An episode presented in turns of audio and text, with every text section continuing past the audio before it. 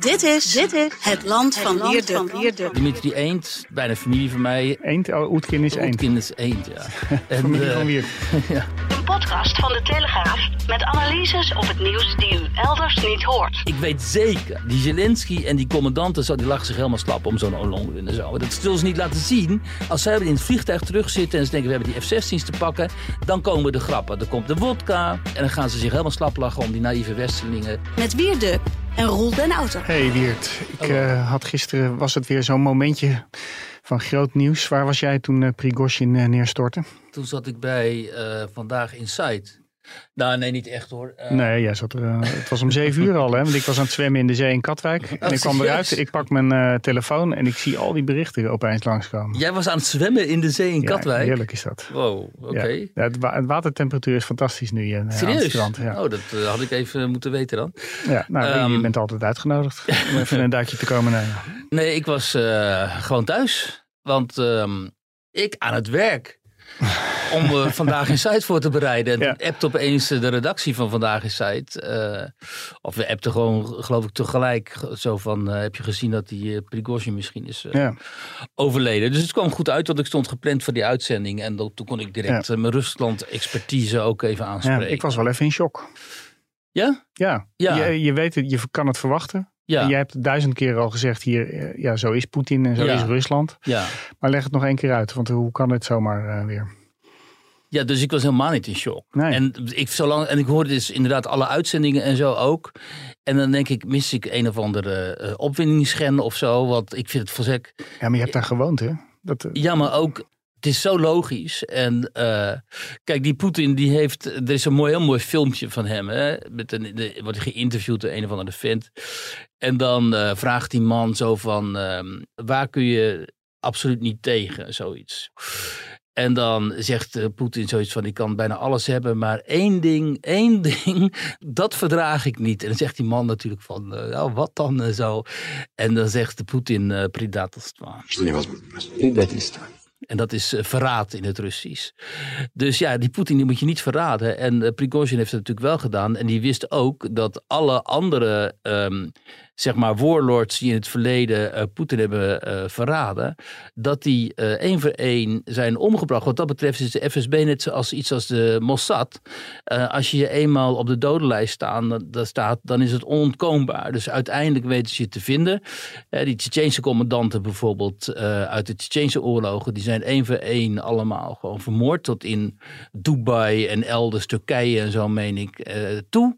Dan uh, zo'n Jan Darbayev en zo mensen met dat soort namen, de Basayev. eerste reactie is dan toch gewoon vluchten. En uh, waarom ja, maar is die mensen die vluchten gegaan? dus dan ook naar, naar de, bijvoorbeeld de golfstaten en zo. Maar dan worden ze daar gewoon vermoord. Dat is met de Mossad natuurlijk precies zo. Hè. Mensen die uh, ooit iets tegen de staat Israël terreur, terreur hebben gepleegd. Die Mhm. worden dan uiteindelijk ergens omgelegd. eh, Weet ik veel, desnoods in München of zo, maakt niet uit.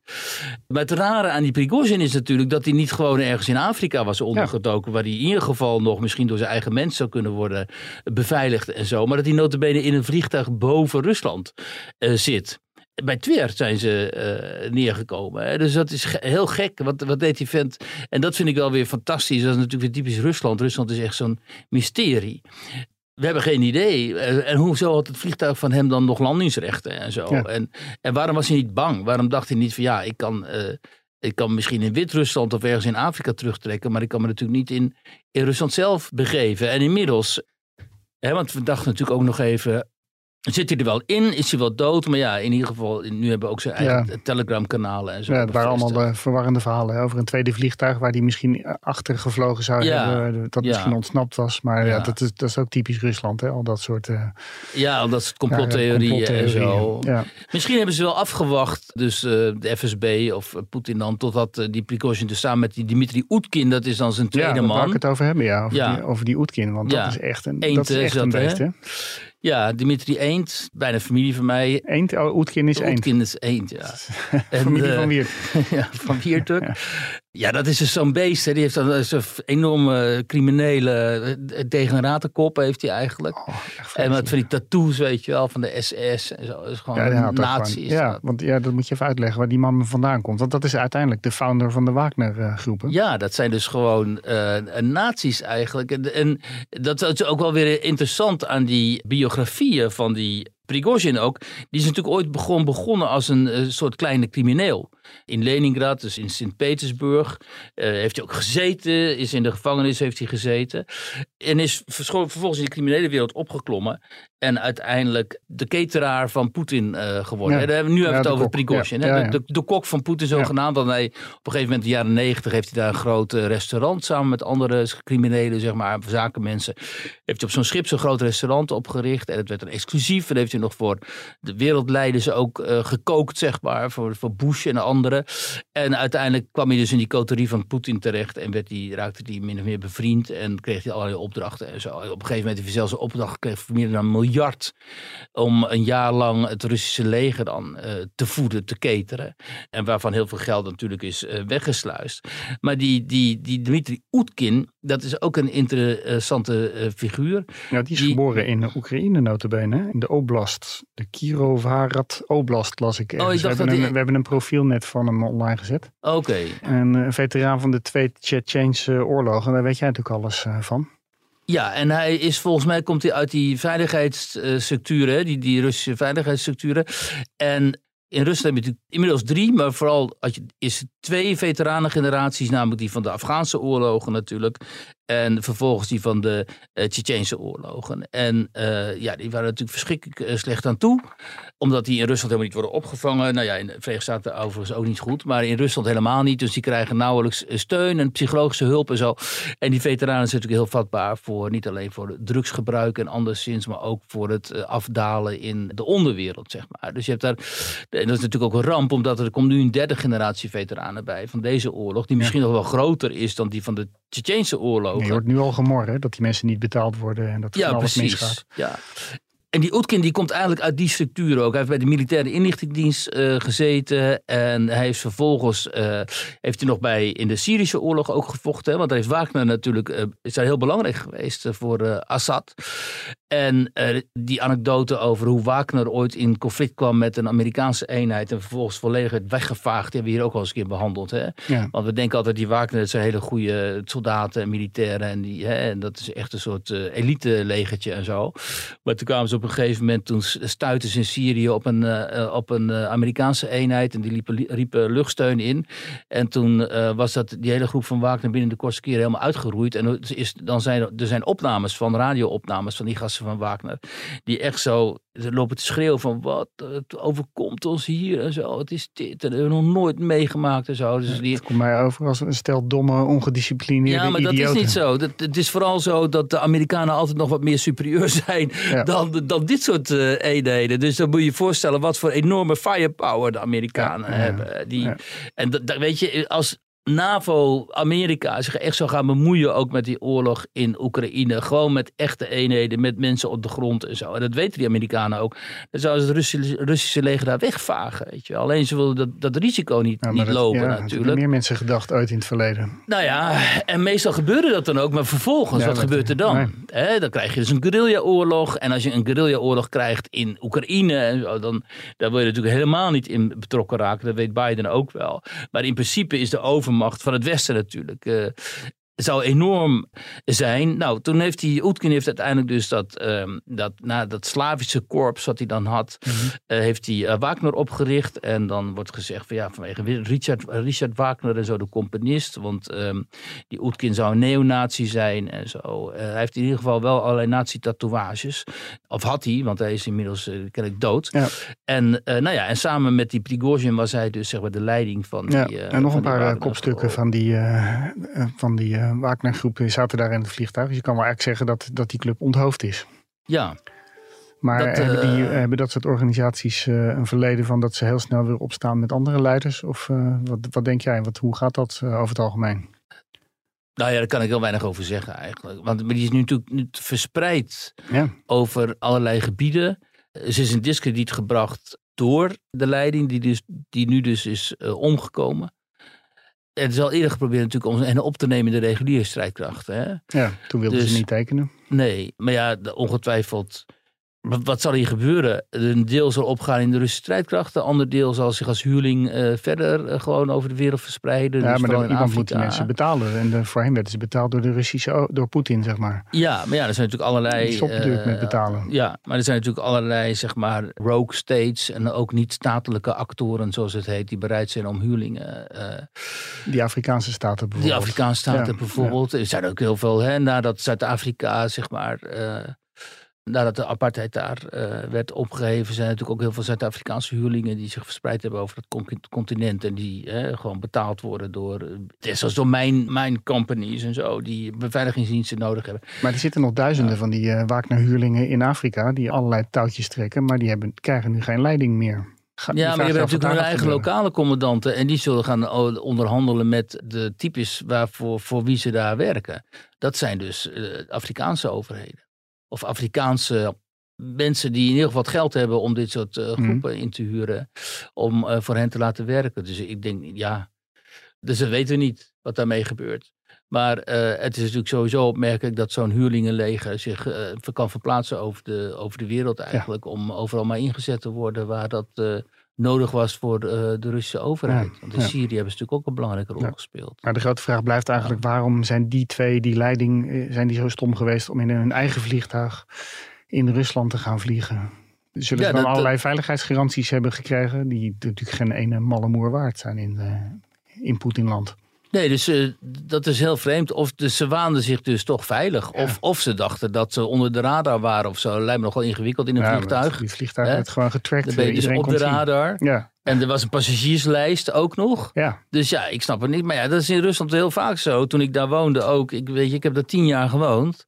En er was altijd nog wel weer een moment dat ik dacht van... Wat, wat, wat, wat, hoe kan dit nou? Wat de fuck momentje. Ja, dat is ook zo'n zo'n anekdote die ik dan altijd vertel, weet je wel. Dat is ook zo grappig. Toen waren we... dat Die Tsjetsjenen die hadden een ziekenhuis in Budjonovsk hadden ze gegijzeld. En dat eh, was verschrikkelijk. Toestanden, veel doden en zo. Toen uiteindelijk hadden ze een vrijgeleide onderhandeld met uh, was dat eh, destijds Victor, de, de, premier. Dus die gasten die gingen in bussen, gingen ze vanuit het eh, ziekenhuis in Budjonovsk met gijzelaars. Gegijz, gegijzelden namen ze mee aantal had zich ook vrijwillig opgegeven, notabene, reden ze terug naar uh. Dus nou, uh, en wij erachteraan als, als journalisten en zo. En op een gegeven moment uh, roepen ze ons bijeen, zeg maar, voor een persconferentie ergens in dat, in dat dorpje, het hoofdkwartier, waar zij een hoofdkwartier hadden en zo. En, en dan gaan ze een persconferentie aan ons, journalisten. En daar zaten dus op een rij de meest gezochte terroristen van Rusland, maar ook inmiddels door Interpol, internationaal, met hun gegijzelde soldaten, patiënten uit dat, uh, ook uit dat ziekenhuis en nog een aantal vrijwilligers en zo. En die gaven daar een persconferentie aan ons. Dus wij zaten te denken, nou, één bom hierop en ze zijn allemaal ja. dood. En, zo. en toen kijk ik op een gegeven moment keek ik uit het raam van het kantoortje waar we zaten. Toen zag ik een Russische legereenheid dat dorp binnentrekken. Dus ik dacht, oh, daar zijn ze. Hè. Moeten we eigenlijk wegwezen, want zo meteen breekt hier de hel uit. Ja. Dus ik zeg tegen zo'n Tsjetsjeense soldaat naast mij van, wat is dat nou joh, wat komen die Russen hier doen? En zei, oh, dat doen, die komen wel vaker, die komen wapens verkopen. Ja. Dus um, weet je, kijk, dat is dus de wereld waarin dit zich allemaal afspeelt. Hè? Dus wij Westerlingen, wij zijn zo naïef en wij zijn zo gewend in te denken van termen als uh, orde, de wet, het tegengaan van chaos en zo. Terwijl in dit soort gebieden floreert chaos, floreert corruptie, is niks wat het lijkt. En dat is ook, dat ergde mij ook altijd zo in die analyse over de oorlog in de Oekraïne. Oekraïne is natuurlijk net zo. Hè? Oekraïne is niet anders dan Rusland of zo. Wij nee. denken nu dat Oekraïne een soort, soort uh, modeldemocratie is. Maar ja. natuurlijk flauwekul. Dat is net zo'n corrupte ellende als Rusland dat is. Dus aan dat front gebeurt natuurlijk ook van alles. Ik hoorde, ik zag ook al verhalen van mensen die daar gevochten hebben. Die ook zeggen, ja, er worden gewoon uh, wapenhandel, vindt wapenhandel plaats. Die westerse wapens die worden daar doorverkocht en ja. zo. Die verdwijnen naar het buitenland. Daar is Amerika boos over, begreep ik. Ja, maar natuurlijk is dat zo. Dus wat verwachten wij in godsnaam van die Oekraïnse strijdkrachten? Dat die opeens heel anders zouden zijn. En ook in mentaliteit heel anders dan de Russen. Ik bedoel, zij begrijpen, de, de Russen en de Oekraïners begrijpen elkaar natuurlijk veel beter. Ze spreken notabene gewoon ook dezelfde taal zo ongeveer. Begrijpen elkaar natuurlijk veel beter dan dat de Oekraïners ons Westerlingen begrijpen. Dan moet ik altijd zo lachen, dan zie ik er weer Kasia Ollongren of Mark Rutte met eh, Zelensky en een aantal van die legercommandanten op de foto en zo. En dan doen ze net alsof ze allemaal tot dezelfde wereld behoren. Terwijl ik weet zeker, gewoon, die Zelensky en die commandanten, zo, die lachen zich helemaal slap om zo'n Ollongren en zo. Dat zullen ze niet laten zien. Maar in het- als zij in het vliegtuig terugzitten en ze denken, we hebben die F-16's te pakken, dan komen de grappen. Dan komt het, de wodka, dan komt de drank en dan gaan ze zich helemaal slap lachen om die naïeve Westerlingen, die vrouwen als eh, minister van Defensie hebben, die helemaal niet eens een rang van een andere rang kunnen onderscheiden en zo. Maar goed, ze hebben ons nodig. Dus ze spelen mee. Hè. Ze hebben ook zo'n volstrekt dan krankzinnige transgender hebben ze daar nu als woordvoerder voor de buitenlandse media, als woordvoerder voor de Oekraïnse strijdkrachten. Want ze denken, nou, dat is toch wat jullie willen? Ja. Hè, met Ja. jullie transgender vlaggen en zo. Nou, hier heb je je transgender eh, Oekraïnse woordvoerder. En die is totaal gestoord. Geen stijl een mooi stuk over hoort. Een totaal getikte, doorgeslagen Amerikaan, meen ik. En dat kan dan. En wij Westerlingen, wij, wij denken, oh, wat goed. Ja, maar voorlopig krijgen ze toch elke keer wel, weer voor elkaar. Hè? Want eh, die F-16's, die, Ja, die trainingen gaan beginnen. spelen We gaan- natuurlijk gaan, enorm op eh, ons gemoed in. toestellen leveren. Zou Ja, het een Nederland game changer zijn, denk jij? Want ik heb het al zo vaak gehoord nu, het woord game changer. Met die Abrams, met eh, Nou ja. Leopard eh, 2. Kijk, ik heb heel veel kritiek gekregen op mijn analyse uit het begin van deze oorlog. Toen ik zei het zal erop uitdraaien dat Rusland de Donbass pakt. Dat de Krim in Russische handen blijft. Dat er een romp Oekraïne eh, zal ontstaan. Dat mogelijk dus eh, lid gaat worden van eh, NAVO en de Europese Unie. Dat zal uiteindelijk wel de uitkomst zijn. Nou, waar zijn we nu? Precies daar. En we hebben twee jaar lang, of hoe lang duurt het nou? Anderhalf jaar lang hebben we gehoord game changer zus, game changer zo. Rob de Wijk en Boekenstein, die elke dag die zitten dat helemaal uit te pluizen. Nou, daar is 100 meter, daar hebben ze de Oekraïners ingenomen. Daar hebben de, de Russen 200 meter hebben ze zich teruggeslagen. En dan komt er weer een of andere expert van wie ik nog nooit gehoord heb. Die zegt, oh, nu komt er een doorbraak van de Oekraïners. Weet je wat, de Oekraïners gaan de Krim terugveroveren. Dat wordt gewoon gezegd. Ja, De, Oekraïners wish- gaan de Krim terug. Weet je wat dat betekent als de Oekraïners het Krim zouden terugveroveren? Dan vallen er een enorm arsenaal aan bommen op Kiev. Dan roeien ze gewoon de helft van de bevolking van Kiev uit de Russen. Zodra de Oekraïners daadwerkelijk eh, denken dat zij eh, de Krim gaan terugveroveren en daar massaal een aanval op zullen uitvoeren, dan komt er gewoon een, een keiharde tegenreactie. Dus het is, er wordt zoveel gewoon onzin Ja, eh, verkondigd aan die talkshowtafels ook en in de wel aan de, aan de gang, hè? want eh, die Krim wordt een beetje ingesloten met die, steeds met die eh, lange afstands waterbommen en, en eh, lange afstandsraketten. Ze komen steeds meer in de buurt om eh, ook die, die eh, Zwarte Zeevloot te raken van die Russen. Ja, Dus- nou, op het moment dat de Oekraïners die Zwarte, Zwarte Zeevloot echt raken, zeg maar, Ja. en daar een aantal van die fregatten gaan uitschakelen en zo, dan, Maar wordt niet alles, escaleert dat zo, gaat het zo enorm escaleren. maar wordt het niet alles anders als bijvoorbeeld Poetin opzij wordt geschoven? Ja, maar ja, de enige die dat eh, kon, eh, de- de- was die eh Prigozhin. Ja, maar die was en die ligt nu in stukjes daar Ja. ergens in een weiland bij Twer. Ja, overigens is het nog steeds niet echt officieel bevestigd. Hè? Iedereen roept het wel, maar er ligt een vliegtuig daar in stukken. Maar Ja, dat is... er zijn natuurlijk allemaal complottheorieën weer dat hij misschien toch gewoon verder leeft, maar nu ergens anders. En dat ze dit in scène gezet hebben. Ja, ik hoorde Geert Groot-Koerkamp, ook de langjarige NOS-correspondent in Moskou, die daar al, al zat toen ik daar begon in Ah, oké, 92, dat moet is je je voorstellen. Ja. Dat is interessant, hè? Die is daar gewoon altijd gebleven en eh, doet het uitstekend. En eh, ja, die hoorde ik ook, want die zat er heel keurig en heel nauwkeurig ook. En die eh, had inderdaad ook zoiets van, ja, het is nog steeds niet bevestigd. Dus we kunnen wel over speculeren. En het is ook wel aannemelijk, omdat ook die telegramkanalen van Wagner dit nu zeggen. Maar ja, het is nog steeds niet. Die kloppen over het algemeen wel. Hè?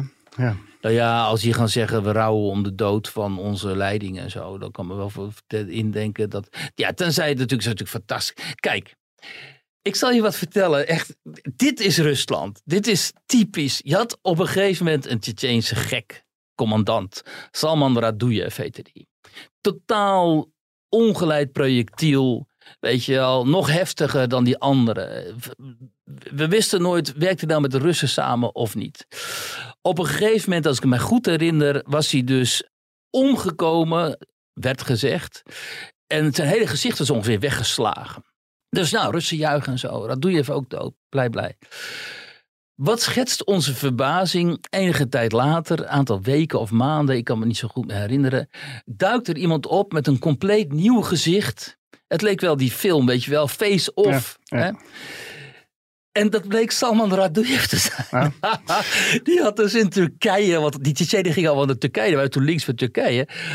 Die was helemaal niet dood, die man. Die was dus gewoon kennelijk ontkomen en had in Turkije zich een nieuw gezicht aangemeten. Ja. En die duikt op in de, in de pers en wij zien de foto en denken, wie is die man? En dat bleek dat die Radoujev te zijn.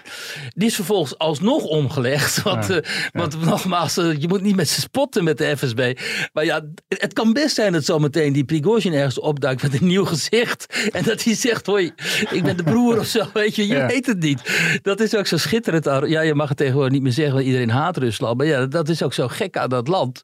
Dat dat soort dingen gewoon gebeuren. En dat dan de, de Russische burger, dat die daarover niet eens verbaasd zijn. Hè? Want die zei, ja, want kijk, en dat kan ik ook maar niet duidelijk maken in, in Rusland ook. De geest van de Rus, die is ook heel anders. Dat is, die leeft in mythes en in verhalen en in, die leeft in een niet logische, irrationele eh, gedachtenwereld.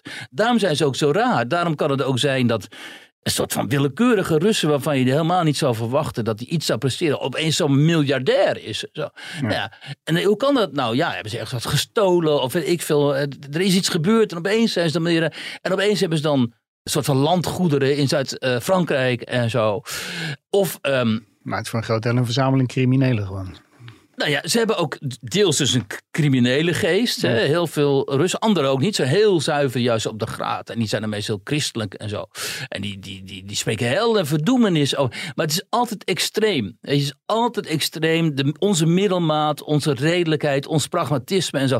Dat, dat verachten ze. Hebben ze geen enkel respect. Ja, ze, ze zijn ook jaloers, want onze samenlevingen draaien zo goed en zo. Maar in, in hun ziel, eh, die Russische ziel is ook echt een reëel, reëel bestaand iets. In hun ziel hebben ze alleen maar verachting voor. Want dat menselijke bestaan, dat weet je wat wat de salafisten eigenlijk ook hebben. Dat, dat menselijke bestaan van ons, weet je. Daar moet je, je moet heftig leven. Je moet echt eh, met hart en ziel leven. Je moet niet in een regelmaat van, ah, van 9 tot 5 zoals wij dat doen en zo. Dat is allemaal verschrikkelijk natuurlijk. Daar moet je helemaal niks mee te maken willen hebben. Je moet heel rijk kunnen worden. Maar ook al het geld gewoon weer verliezen, uitgeven en feesten en zo. En uiteindelijk zie je wel waar het schip strandt. En dat kan stranden in zo'n vliegtuig daar eh, in, eh, boven Twer. Want zo'n Prigozhin, wat met al de verachtelijk... Hè, dat is natuurlijk een verschrikkelijke man met die sloophamer. Hè, die heeft gewoon zo'n dissident eh, binnen Ja. zijn eigen groep... is met, is met geslagen. sloophamer in stukken geslagen. En daarna heeft hij die sloophamer als symbool van Wagner gemaakt. Dus een verschrikkelijke, Ja. vreselijke man. Waarvan het verhaal was dat hij hem naar het Europarlement gestuurd zou Ja, hebben. precies. Ja. Maar hij is natuurlijk wel bij uitstek ook. Hij is dan de, in de hele negatieve, criminele manier bij uitstek ook die verpersoonlijking van die maximalistische eh, Rus. En die heb je in de Russische, Russische geschiedenis. Peter de Grote natuurlijk ook, weet je wel. Die, kwam Nederland ook, die ging zelf die schepen bouwen en zo. Het zijn allemaal, het zijn Ja, maximalisten. die werd hier als vriend onthaald. Ja, nou ja. en, ehm, en nu generaliseer ik een beetje. Ja. zullen mensen even, je overdrijft en zo. Maar ja, ik overdrijf dus juist niet. Dat is het grappige. Daarom zijn Russische vrouwen bij heel veel westerse mannen ook zo geliefd. Want die, die zijn net zo. Die, die zijn, het is een en al emotie wat over die mannen heen komt. Ja. Ik denk, ja, dat heb ik nog nooit gezien. Ik heb nog nooit bele- En, en, en denken ze ook nog eens een keer van, oh, ze zijn heel erg knap. En dan zijn ze ook nog heel erg gewoon, je wordt overspoeld met allerlei emoties die die mannen in het Westen, zeker in dit soort Calvinistische landen als Nederland en zo, nog nooit hebben gekend. Ik denk dan snel, dan ben je een soort van borderliner of zo. Maar, Nou, eh, nou ja, maar ja, maar die, ja, precies. Dan Schizofrene borderliners. Er zijn een hoop uh, de Russische inborst. een en al vriendelijkheid. Ja, nee, maar Ja, maar met, Ehm, met zo'n irrationele tegenstander ben ik toch blij dat eh, Frans Timmermans heeft gezegd dat er een wet moet komen in Nederland. Dat we 2% aan de NAVO gaan. eh, ja, om even het bruggetje te maken. Frans het Timmermans is dus de Nederlandse Donald Trump. Ja, Dat Precies. is wel heel erg grappig, omdat eh, Donald Trump destijds van... heeft dat elke keer gezegd. Ja, die wilde zelfs 4%. Hè? Ja. En weet je nog die scène waarin Trump, die is een NAVO-bijeenkomst of zo. En dan staan al die Europeanen, die staan daar met Trudeau, geloof ik ook. En dan komt Trump, zo'n enorme patser, die komt op hen af en zo. En die begint hun eigenlijk gewoon te beledigen. Hè? Zo van, show me the money.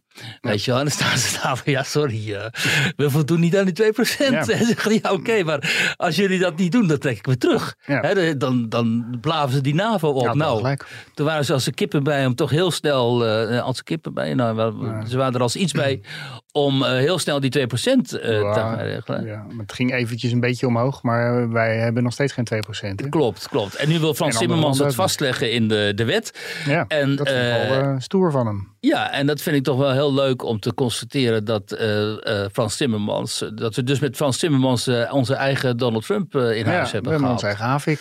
ja, maar en dat, dat op links. komt uit de Duivenpartij, ja. Precies, ja. ik wou zeggen, GroenLinks, PSP in het verleden. Er is helemaal niks meer over van die oude pacifisten. Ik, zag, ik zat ook naar al die mensen te kijken toen die dat zo heel stellig zei bij die bijeenkomst met al die jongeren. Klappen in allemaal, die allemaal, allemaal klappen, maar ik denk, twintig jaar geleden was hij met pek en veer naar buiten geflikkerd. 2% voor een leger ben je gek geworden, maar dat was echt gewoon uh, hij werd daar als een held onthouden. Hoe, hoe snel kan dat veranderen? Dat is, echt wel, nou, dat, dat is nog steeds iets wat ik in mijn hoofd nog steeds niet uh, kan rechtbreien. Nee, nee. Dat, dan zie ik die analyse Beerbok, dat meisje zeg maar, zo mm. mogen we wel noemen, wat zo, zo, zo naïef is ze wel, van de Duitse Grünen. Mm -hmm dat kind eigenlijk nog, en die is dan minister van Buitenlandse Zaken, heeft, of uh, is ze kunnen worden, en die roept alleen maar om meer wapens en een nog krachtdadiger militair optreden van het Westen tegen uh, Rusland en zo. Waar en komt dat nou vandaan? In, en dan denk je, je komt uit de partij van Joske Fischer, wat wel dus een grote persoonlijkheid was, die ooit met verf een verfbom tegen zijn hoofd kreeg toen hij vond dat uh, Duitsland zich meer moest bemoeien, militair ook, met in internationale uh, conflicten. Toen kreeg hij vanuit de zaal gewoon een, een, een ja. iemand met een verfbom op zijn hoofd. Wat heel, heel naar ook om te zien, omdat je zag hoe, hoe pijnlijk het ook was. Dat is de partij waar zij uitkomt en zij is nu een Havik, net zoals Timmermans een Havik. En het is alleen te verklaren, omdat dus, doordat dus links is gaan denken dat dit de goede kant van de geschiedenis is, dat uh, Poetin de nieuwe Hitler is. En ook omdat Poetin natuurlijk de held is van alle rechtspopulisten die zij verachten. Hè? Zij denken dat Poetin de held is van Trump. Poetin van de AFD, ja, dat is wel van uh, Baudet. Ja. Nou ja, al die mensen in Nederland die ontzettende schurft hebben aan uh, Baudet, dat zijn allemaal ook Ruslandhaters nu, omdat ze denken dat Baudet gefinancierd wordt vanuit het uh, Kremlin. Dus voor hen is Poetin op de achtergrond is zeg maar de, de, de, de poppenspeler van de mensen die zij lokaal het meest verachten. Dat is dan in Duitsland AFD, in Frankrijk Le Pen, in Nederland Baudet en Wilders, in uh, Engeland waren de Brexiteers en zo. Dat is wat daarachter zit. Maar um, dan vraag je me af, oké, prima hoor, als je zo'n hekel hebt aan die rechtspopulisten. Maar is dat dan een reden om zo met die principes uh, om te gaan en die eigenlijk op te geven waar je nog, waar je decennia lang zo aan hebt vastgehouden? En hoe kan links opeens, hoe kan links de cheerleader van de NAVO zijn? De NAVO die zij nog maar kort geleden beschouwde als een agressieve invasiemachine eigenlijk. Daar kwam het op neer. Hè? Maar is het niet gewoon een soort van doodsangst? Nee, ik denk dat links gewoon de weg kwijt is. ja, je kan van inzicht veranderen natuurlijk. Hè? Dat uh, doen jij en ik ook af en toe. Nee, nogmaals, dat heb ik gezegd. Ik, in mijn brein, als ik links zou zijn, dan zou ik dit niet kunnen begrijpen. En je ziet dus ook dat de mensen die echt intelligent zijn en op links woordvoerder zijn, zoals in Nederland hè, iemand als Ewald Engelen en ook mensen bij de SP en in Duitsland vooral uh, Zara Wagenknecht die zijn net zo verbijsterd. En die hebben echt zoiets, hoe heeft dit, hoe, hoe heeft dit kunnen gebeuren? Ja, hoe kun je, natuurlijk kun je tegen Poetin zijn en, en die invasie veroordelen en zo. Maar hoezo zou je als links-pacifistische beweging afstappen van die principes en zeggen we moeten meer wapens leveren, zodat die oorlog ook door kan blijven gaan? Ja, dat, dat, ja, daar ben ik ook niet uit. Misschien kan iemand van ons publiek reageren op Twitter of zo en ons uitleggen hoe dit nou, hoe dit nou überhaupt te analyseren is en hoe, dit, hoe we dit moeten begrijpen. Want ik begrijp het niet. Ja, er is een nieuwe kracht op komst. Pieter Omtzigt. En die gaat, eh, als hij zijn partijen op orde krijgt, heel veel eh, zetels halen en genoeg kandidaten heeft. Misschien denk je dat hij op dat gebied uh, er anders over denkt. Ik heb eigenlijk nog niet gehoord hoe hij denkt over Oekraïne en over de oorlog. Nou ja, ik denk dat het probleem met Pieter Omzicht wordt. Heel fijn dat hij mee gaat doen trouwens. Hè? Wat ik heb een aantal podcasts geleden gezegd van de enige die in Nederland uh, premier, het premierschap van Frans Timmermans kan voorkomen is Pieter Omtzigt en dat geloof ik nog steeds.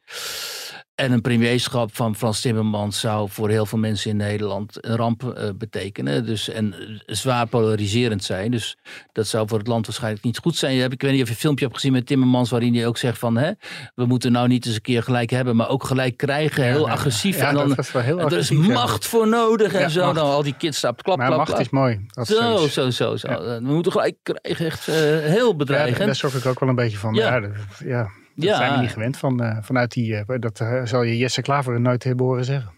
Nee, nee, maar Timmermans is wel. Dus de, de, de- laten we hopen dat hij gestopt wordt. Ik zeg het maar eens ronduit. Maar ja, het probleem jij? met Omtzigt is natuurlijk... Ja. ten eerste, we weten helemaal niet wie er, wie er nou op die lijst komen. We weten het programma hè, Nieuwe Bestuurscultuur en zo is allemaal prima. Al, en, en we weten dat hij enorm detail, op details is gericht.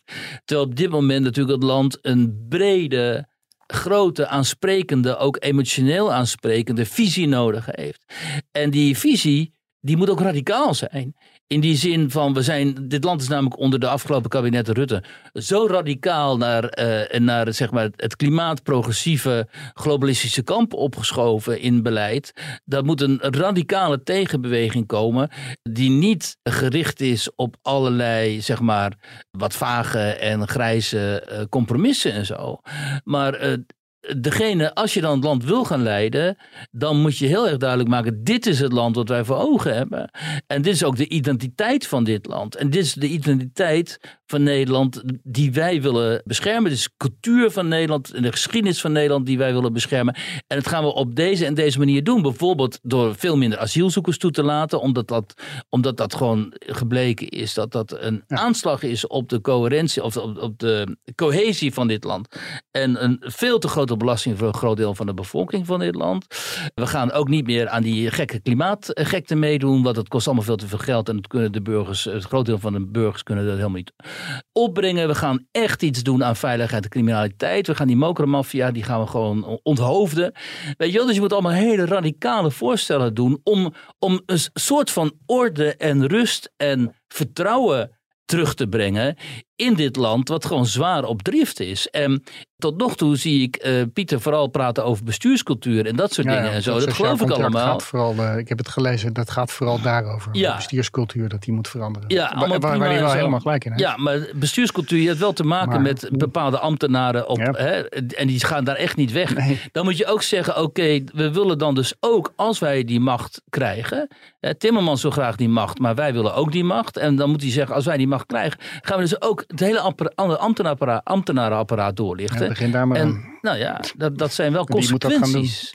Omdat die, die hele mars door de instituties die progressief links heeft gemaakt, ook in de ambtenarij, in de media, in de ambtenarij, in het onderwijs, in de bedrijfsleven, ook noem maar op. Dat zou je moeten erkennen, dat dat een groot succes is geweest voor progressief links. Die hebben al die instituties, ook de rechterlijke macht en zo, al die instituties hebben ze voor een groot deel in handen gekregen. Ja, dan zul je toch een cultuuroffensief tegen moeten eh, eh, ondernemen. Als je dat niet van plan bent, Ja, dan moet je allerlei compromissen gaan sluiten met die mensen. cultuuroffensief, dan eh, moet ik meteen aan, aan Mao denken. En die, Nee, het, dat soort het, het altijd gedeelte Mao af. zit in, het, in die mars door die instituties. Dat is het gedeelte van Mao. Ah. En nu moet zeg maar de burgerlijk Nederlandse samenleving moet zich onder leiding van misschien omzicht dat soort types moet een plan formuleren om daar het tegenwicht aan te gaan bieden. maar nou, eh, Baudet heeft al geoordeeld, het gaat niet lukken. Dus we trekken ons terug in ons eigen Ja. forumland. Hè. Dat is zijn reactie geweest. Hij heeft aanvankelijk natuurlijk gedacht, gaat wel lukken. Toen werd hij ook de grootste partij. Toen eh, uiteindelijk door allerlei, ook door zijn eigen schuld en zo, is het allemaal mislukt. En toen heeft hij consequenties, de, de gevolgtrekking gemaakt. eh, het, het is zo ver- verankerd. Dat hele denken en zo zit, is zo, dat, dat, dat systeem zit zo in het systeem. Het systeem, dat is het systeem. Dat links-progressief globalistisch denken is het systeem geworden. Dat ga je, het- Baudet is geoordeeld, daar ga je met, met, deze, met dit electoraat ga je daar niks aan veranderen. Dus we trekken ons terug in het forumland. Nou prima, dat mag. Maar omzicht wil het veranderen. Alleen ik zie alleen nog maar, weet je, ik zie niet een radicale visie daarop, laten we het zo zeggen. Dus ik ben benieuwd waar die mee gaat. En vooral met welke mensen die gaat komen. En Syrië bemoeit zich er ook weer mee. Met welke mensen hij gaat komen en of dat hele krachtige persoonlijkheden zullen zijn. Want uh, als je mensen recruteert uit hetzelfde milieu dat al decennia Ja, lang hier de dienst uitmaakt, eh, ja. daar heb je niks aan. Kijk, want dan komt hij met Eddie van Heijem en zo, is allemaal prima. Maar die was natuurlijk gewoon CDA-kamerlid. Ja. Nou, aan de ene kant wordt hij op een voetstuk geplaatst, omzicht. En aan de andere kant wordt hij ook wel weer aardig aangevallen. Vooral uit eh, bepaalde hoeken. Nou, er wordt veel te veel van hem verwacht natuurlijk, als een messias. Ja. Maar goed, het wordt ook Dat van. Timmermans verwacht. Dat kan hij niet Ja. waarmaken. Maar Timmermans is natuurlijk een soort rasbestuurder. En omzicht is natuurlijk een, een eenling die heel erg sterk is. En eh, die zal het toch hebben, moeten hebben van de mensen om hem heen. Ik zie in eh, Timmermans inderdaad een potentieel veel sterkere debater. Ja. En ook, die is veel machiavellistischer dan eh Omtzigt. Timmermans heeft al bewezen in het verleden dat hij over lijken gaat. Hè? En zeker als hij zijn zin niet krijgt, dan doet hij gewoon een jaar niks in de Tweede Kamer en zo, weet je nog. Want die kreeg hij niet de portefeuille die hij wilde en Ja. zo. Dus dat is gewoon een enorme machtspoliticus. En eh, Nou, van, zo krijg je wel dingen bereikt. En, eh, nou, dat bedoel ik. En Ja. om zich moet zorgen dat hij machtspolitici om zich heen krijgt. Die, die bereid zijn om echt, om echt taboes te doorbreken ook. Taboes waarvan mensen zullen zeggen: wow, hè, dat is, gaat heel ver wat zij willen. Is dat nog wel, dat grenst misschien aan rechtsstatelijkheid? Bijvoorbeeld het, het eindelijk eens uitzetten van illegale. Of het ook terugzetten van, van bij wijze van spreken, families die erkend crimineel zijn bijvoorbeeld, die aanpakken, weet je wel, isoleren, er echt iets aan doen, zodat burgers vertrouwen terugwinnen. Iets wat eh, Dylan Jesselgus eh, suggereert vaak, hè? we gaan eh, keihard aanpakken en zo. Het komt er meestal niet van, maar ja, wie weet eh, is dit dan het eh, moment. Anders krijg je Zweedse toestanden. We hebben een nieuwe correspondent in, eh, in Zweden. En die Ja, heeft die een had een goed geschreven. Die had een fantastisch verhaal over hoe dat uit de hand loopt met jeugdbendes. Waar 14-jarigen met vuurwapens op straat lopen. En afschuwelijk verhaal is het geworden over de, over de drugsmisdaad. Nou ja, kijk, wij wisten dat natuurlijk wel al een hele tijd. Hè, dat het in Zweden. Kijk, ik kom al heel lang af en toe in Zweden. En ehm, toen ik dan voor het eerst kwam, weet ik veel, eind jaren tachtig of zo, was dat dus een soort paradijs. Hè? Ja. Een soort een heel naïef paradijs van allemaal hele vriendelijke mensen. Het was nou eens criminaliteit en zo. Leeft Eh, ook lekker geïsoleerd. enorm geïsoleerd, heel groot land met heel weinig eh, Ja. inwoners. Dat je, oh, dit is echt gewoon. Mocht Nederland ooit zo worden, dacht ik toen. Als dit het de voorhaven is, een soort toekomst van Nederland, wat zouden we blij moeten zijn. En toen zijn ze begonnen dus massaal. Toen heeft Zweden zich, omdat ze verder gewoon, hè, ze, hebben, Volvo en dat soort dingen en zo. Maar verder hebben ze niet zoveel. Toen eh, internationaal niet, geopolitiek niet. Toen hebben ze gezegd, wij willen ons gaan profileren als eh, humanitarian superpower. Dus de Amerikanen en de Chinezen en de Russen en zo, die zijn dan eh, eh, militair zo superpower en economisch, maar wij willen een humanitaire supermacht worden. En toen hebben ze besloten, we gaan zoveel mogelijk immigranten en vluchtelingen binnenhalen. Dus het begon met eh, die mensen uit eh, voormalig Joegoslavië. En dat is zo doorgegaan tot aan nu. Eh, ze hebben krankzinnige hoeveelheden eh, asielzoekers en vluchtelingen, weet ik veel wat allemaal binnengaan. Dat zie je daar ook als je door Stockholm gaat en zo nu. Dat is echt bizar. Ik was laatst in Stockholm en dan zie je van die grote groepen gesluierde Somalische of Ethiopische vrouwen en zo. Weet je, wel. totaal met niqab-achtig gesluierd. En die, ja, dat ziet er heel kleurrijk en schitterend uit en zo. Maar dan denk je, dit is heel vreemd, weet je wel. Het is geen Dus, eh, Stockholm. Het is geen Stockholm. Althans, niet Stockholm zoals ik kende, sprak de, de oude man. En ze hebben heel lang ontkend dat die immigratie, die massale immigratie uit die werelden, uit die culturen, dat die problematisch zou kunnen zijn. Ja. Want nee, al, elk mens, ieder mens is goed. Gelijk. Hè, ieder mens is sowieso gelijk, ieder mens van nature goed. Dus als, wij, als zij worden opgenomen in zo'n keurig functionerende samenleving als de Zweedse, dan zullen ook al hun, al hun goedheid en al hun menselijkheid zal tot uiting komen. Nou nee, die zal vanuit hen zelf natuurlijk opbloeien. En zij zullen deel worden van een schitterende, schitterende multiculturele Zweedse samenleving. En binnen die, moet je ook niet onderschatten, de zelfhaat onder Zweedse eh, elite is ook verschrikkelijk. Hè? Er zijn er echt, ik heb eh, toespraken gezien van ministers en zo, zo'n vrouwelijke minister die dan zegt van, eh, dat het juist heel goed is als de Zweedse bevolking, die blanke bevolking, als die wordt omgevolkt en als die veel kleuriger zou worden en zo. Want eh, die blanke Zweden, dat is toch allemaal vers- verschrikkelijk. En we Ja. kunnen al die vrolijke Afrikanen en zo, die lekker kunnen dansen. En die mensen uit het Midden-Oosten die zo fijn kunnen koken en zo. Die hebben we nodig om een echt een leuke samenleving te worden. Nou, we hebben gezien, Ja. criminaliteit is dus krankzinnig uit de hand gelopen. En, dat, En uit dat verhaal bleek ook dat, eh, dat zij er enorm veel problemen hebben met drugs die door Nederland wordt uh, doorgevoerd. Ja, natuurlijk, is Zweden. internationaal circuit is dat natuurlijk. bier. Ja, dus eh, je hebt allemaal, eh, net zoals in Duitsland trouwens, allemaal etnische criminele bendes zijn daar ontstaan. Bendeoorlogen. Heel lang, ik heb ook al met Zweedse misdaadjournalisten gesproken. Heel lang is dat ontkend.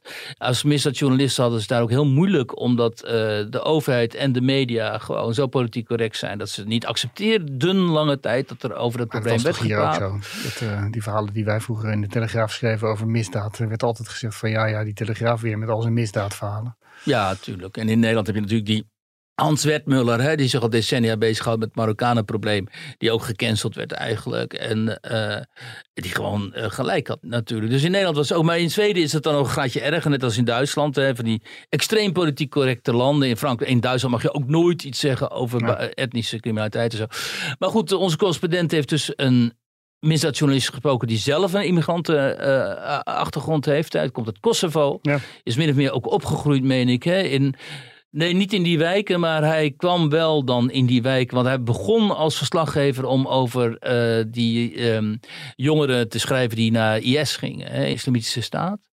En toen verbaasde hij zich over, vertelt hij in het interview, over hoe gesegregeerd die gemeenschappen waren. En eh, Leven echt helemaal op zichzelf. ja, en hoe die kids eh, eigenlijk te horen krijgen dat ze door drugsverkoop ontzettend rijk kunnen worden. En ook zegt hij, het is toch wel heel erg bedenkelijk dat we in een tijd leven waarin kinderen ervan dromen om huurmoordenaar eh, te worden. Nou, dat is precies wat in de jaren negentig in Rusland het geval was onder jongeren. Daar droomden jongeren er ook van om ofwel gangster te worden, want dat was heel prestigieus. En de meisjes droomden ervan om, om een valuta-prostituee te worden. Dat betekent dat je niet in roebels werd betaald, maar in dollars. Dat was het ongeveer het hoogste. Je. En eh, zo gedegenereerd was die samenleving. En zo gedegenereerd is kennelijk ook de Zweedse samenleving eh, deels geworden. Nou ja, ze hebben inmiddels andere, hè, daar waait inmiddels andere Daar waait een andere wind. eh. Maar ik weet niet of het al meteen verandert. Want dat duurt, gaat natuurlijk jaren duren om die rotzooi weer op te ruimen. Ja, in ieder geval op het gebied van immigratie durft die nieuwe, eh, die nieuwe coalitie allerlei dingen te zeggen Ja, en ook ja. te doen.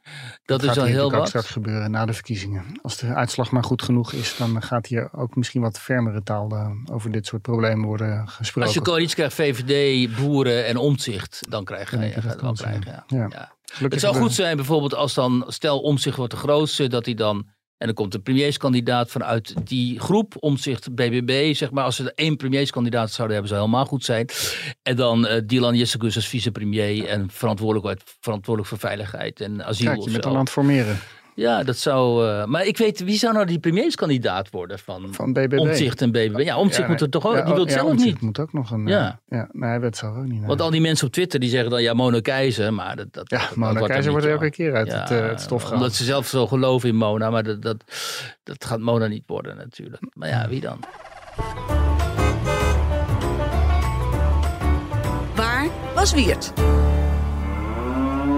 Gelukkig hebben wij in Nederland eh, nog hele simpele ehm, boerengezinnen met een modelbedrijf Anje en Piet Grin. En jij hebt voor jouw rubriek in Nederland in de krant gesproken met, eh, met die twee. Die hadden een, een prachtig bedrijf. Maar die eh, dreigen nu vermorzeld te raken door, de, door alle regels. Hè? Ja, dat is ook niet een simpel gezin. Dat is een heel interessant gezin om allerlei redenen. Ten eerste omdat, ehm, dat klinkt een beetje raar, maar nou, omdat zij dus echt hebben besloten ooit, wij willen een modelboerenbedrijf, duurzaam boerenbedrijf opzetten. En dat kunnen ze ook, en het ligt ook aan de intelligentie van de ouders. Ehm, de moeder is, komt uit een huisartsengezin. En de vader heeft ook al heel snel begrepen van we moeten boeren op een andere manier. En dat kan door vrij groot te zijn, juist niet door klein te zijn, maar door vrij groot. Maar dat is in Nederland dan 250 koeien. Hè? Terwijl in de Verenigde Staten heb je gewoon een bedrijf met 10.000 koeien en zo.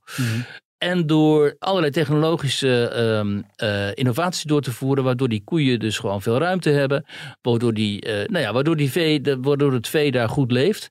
En je ziet ook aan de kinderen, weet je wel, de kinderen zijn uitgevlogen. Twee kinderen zijn piloot, twee van die jongens. En die wonen in Qatar en in Spanje en zo. En de andere kinderen zijn ook gaan, gaan studeren en zo. Dus het is niet het geëikte, zeg maar, boerenmilieu. Ja, ik zeg, ik weet, nou ja, de- ze hebben ook een Nou, stap in de, ze hebben ook een been in de burgerwereld, zeg maar. Laten we het zo zeggen.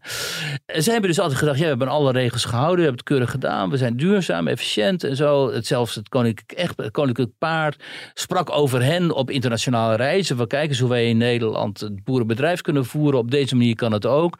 En toen kwamen ze ineens te liggen binnen een uh, strook van 25 kilometer vanaf de Veluwe.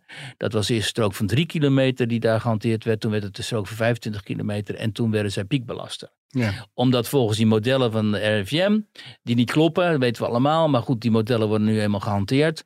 Uh, ben je dan, als je dan met je boerenbedrijf met zoveel koeien dan in dat gebied, in die strook ligt met, ten opzichte van de Veluwe, dan belast je dus met jouw stikstof de Veluwe. Dus er zit nu een stikstofclaim op die boerderij. En uh, Pieter en Anje, die zijn 4, 65 en 64. En die willen hun bedrijf verkopen, omdat van de kinderen wil niemand het overnemen. En die zeggen nu, ja, we kunnen het niet verkopen, want het is geen boer die een lening van de bank krijgt voor zo'n bedrijf. Dus we staan met de rug tegen de. Ofwel moeten ons die doodwerken.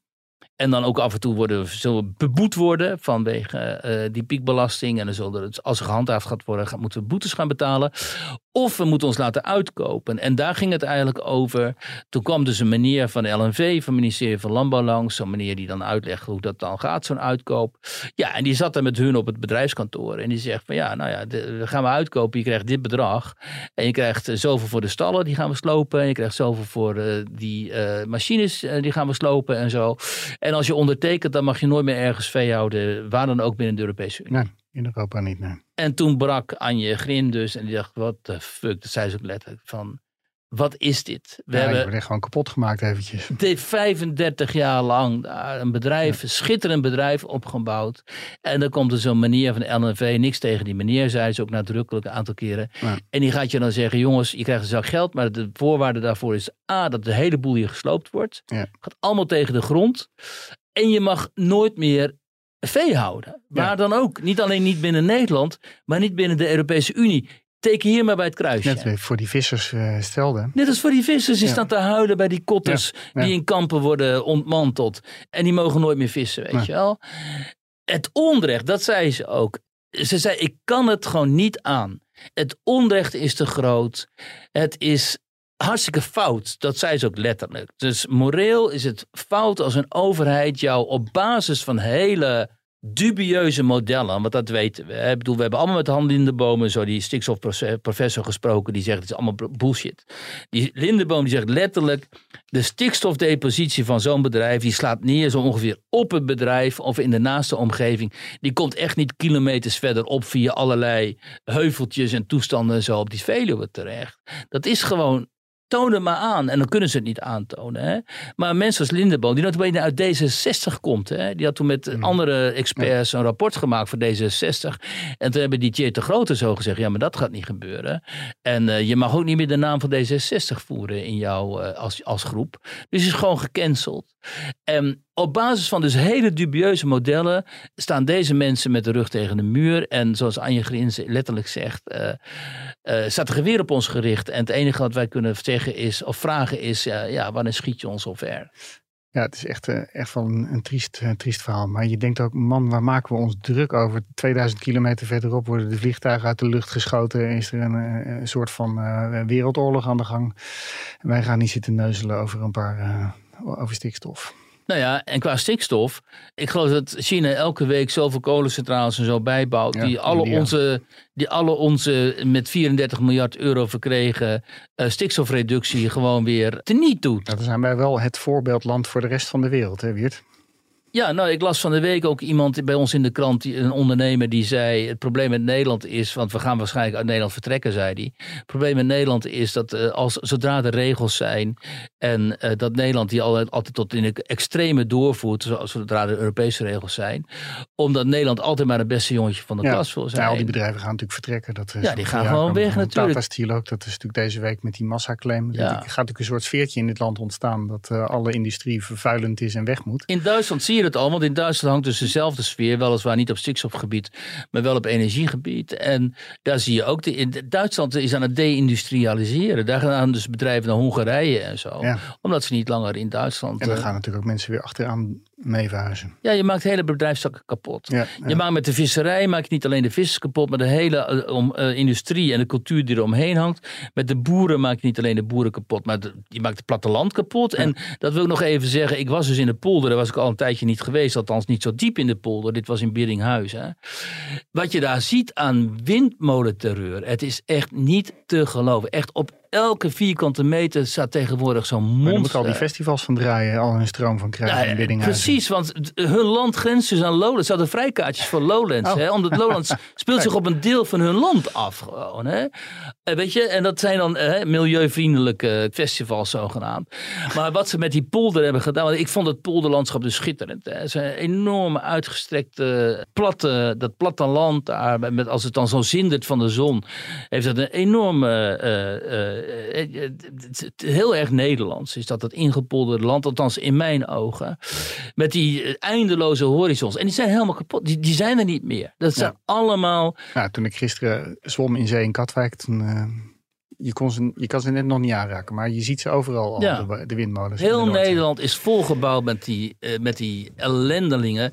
Ik snap niet dat niet veel meer. Want ik zit er altijd over te klagen ook op eh, sociale media. Ik snap niet dat niet veel meer mensen hier tegen in opstand komen. En dan, dan is het zo. Dan, dan zeg ik dat op Twitter. En dan reageert er zo'n mevrouw uit, uit de polder. die zegt, zo'n linkse mevrouw. Die zegt dan van. eh, ik ben hier opgegroeid in de polder en ik vind dat die dingen schitterend passen in het landschap. Ja, ja. Dan denk ik, wat heb jij voor cognitieve dissonantie daar, weet je wel. het, het kan, je liegt gewoon. Het, het, want het is gewoon objectief vast, vast te stellen dat die dingen intens lelijk zijn en het landschap bederven. En je kunt denken, oké, weet je wel, het is zo goed vanwege energietransitie en zo. Maar je kunt niet zeggen dat ze esthetisch passen in het landschap. Dus, eh, maar goed, daar willen we dan maar mee eindigen. Wiert, we gaan het hier nog eh, vaak over hebben. Dat vrees ik ook, Denk ja. ik. bah. Ik, eh, de- volgende week is Kleister waarschijnlijk weer. Yes. Dankjewel, Roel den Outer.